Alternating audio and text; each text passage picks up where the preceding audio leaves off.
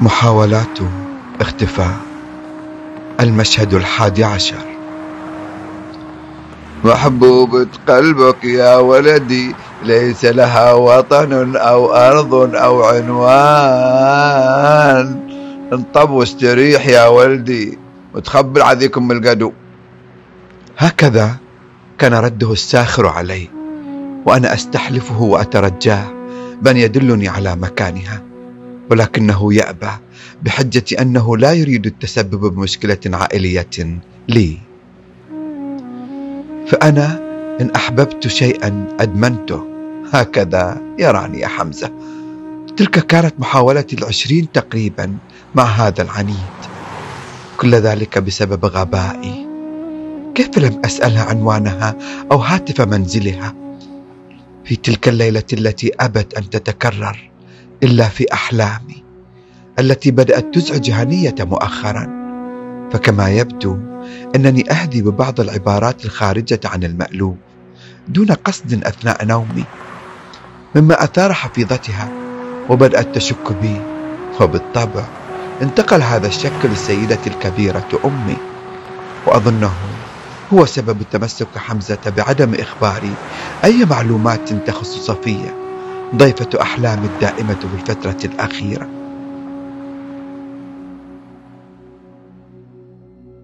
الجميع في جلبة مضنية فغدا هو عقد قران العروسين السعيدين. كان أبي أكثرنا انشغالا وقلقا ومعه العم عبد الله والد حمزة. فأغلب ضيوفهم من الرجال المهمين والأعيان. وهنا يجب انتقاء أفضل وأجود أنواع الحلوى والفاكهة. رغم تعامل أبي المسبق مع محال خاصة تجلب له ما يريد ولكن إصرار أمي على التنويع والجودة العالية لتفاجئ الجميع به كما حدث في عقد قراني يجعل أبي في حالة مربكة. ونفس الأمر بإعداد وجبة العشاء إذ كثرت وصاياها على ذلك الطباخ المسكين بأن يبيض وجوهنا أمام الضيوف وإلا شنت الحرب عليه.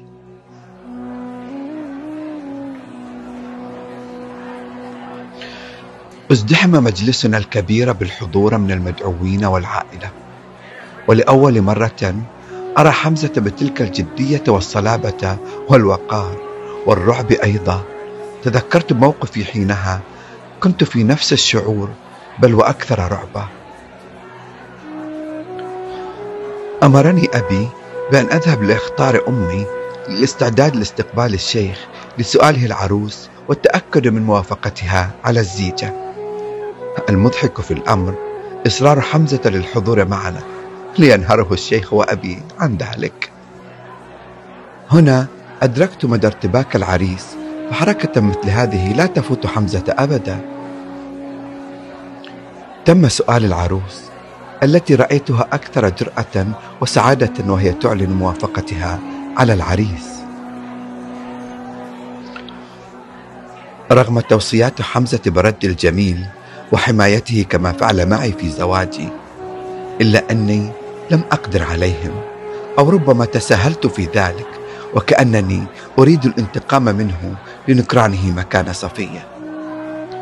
احتشد الجمع خلف حمزة متأهبين لشن هجومهم عليه وهو ممسكا بيد أبي والشيخ الطيب إمام مسجدنا يملي عليهم ما يجب قوله ليتم عقد القران. وعلى سنة نبيه المرسل وعلى حسن العشرة عندها قبلتها وأقررت بها على نفسي. بها على نفسي. قل نعم. نعم. نعم. نعم. نعم.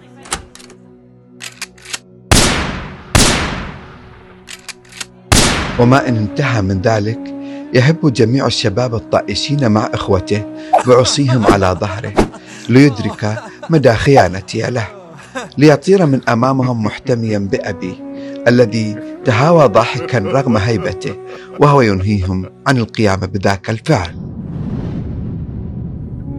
مرت الأشهر الثلاثة وأنا أدور في دوامة حمزة وأمي وجميلة واستعدادات الزواج الذي لم أكن أتوقعه بهذه السرعة ولم أكن أتوقع أيضا بعدد النذور التي تبعته وتنتظر حدوثه.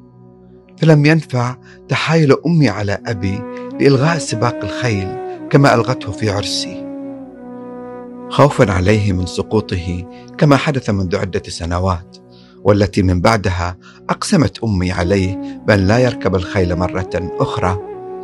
فهي لا تدرك مدى تعلق أبي وعشيرته بتلك الهواية رغم معاشرتها له كل تلك السنون فهي من بيئة مختلفة تماما عن بيئته الصحراوية. ولكنه خالف رأيها هذه المرة لأنه نذر نذره على نفسه. عند زواج الغالية جميلة كذلك نذر أمي بإقامة حفلة العرس عشرة أيام تتخللها الأغاني والأهازيج مع وجبات غداء وعشاء طيلة الأيام العشر ناهيك عن باقي النذور والخزعبلات التي لا تنتهي.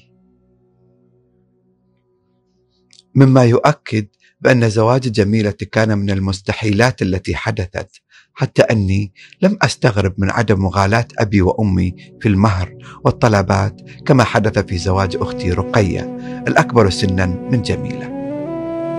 زوجها المسكين لم يدخر شيئا لم يفعله حتى تم زواجه بها بل لم أستغرب إن تأكد لي بأن مهر جميلة دفع من جيب أبي فما زلت أتذكر جملة أبي أمام الجمع الذي أحضرهم حمزة ووالده للخطبة الرسمية من الجهة والشيوخ. نحن شارين رجال وحمزة ولدنا إلى حفة وزارة وشلها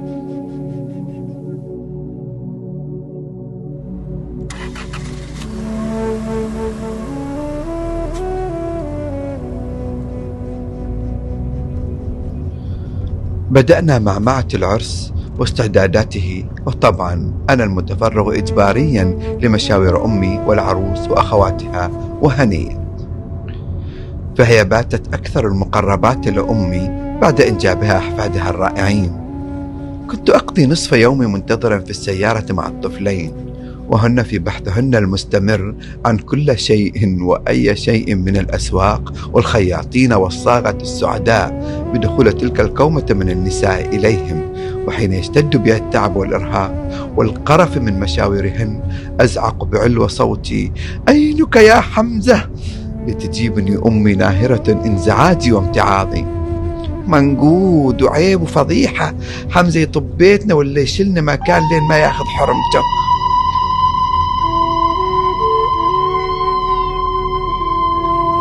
ليزغردن أخواتي وزوجتي لمجرد ذكر كلمة زوجته أو أي شيء يخص العرس والعروس. مهرجان نسائي لا حيلة لي في مجابهته.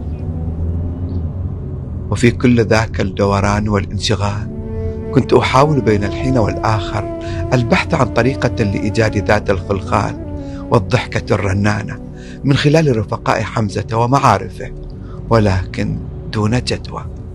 لا أحد يعرف مكانها. حتى إني بدأت أعتقد بأن حمزة شخصيا لا يعرف لها مكانا أو عنوان على حد قوله.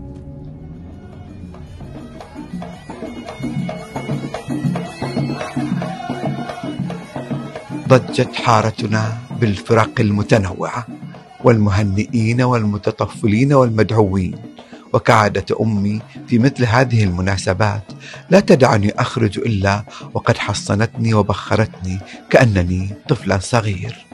هذه العادة التي أبت أن تتركها حتى في أقل المناسبات شأنا وكعادتنا أنا والعريس الذي لم يقم أي حفلة في داره الملتصق بدارنا طبعا لاكتفائه بما أتت به أمي وأبي لإحياء العرس. ننزوي في ركن مظلم ندخن فيه بعد أن قرر فجأة تحسين وضعه أمام الناس بما أنه سيكون زوجا مسؤولا ورب أسرة.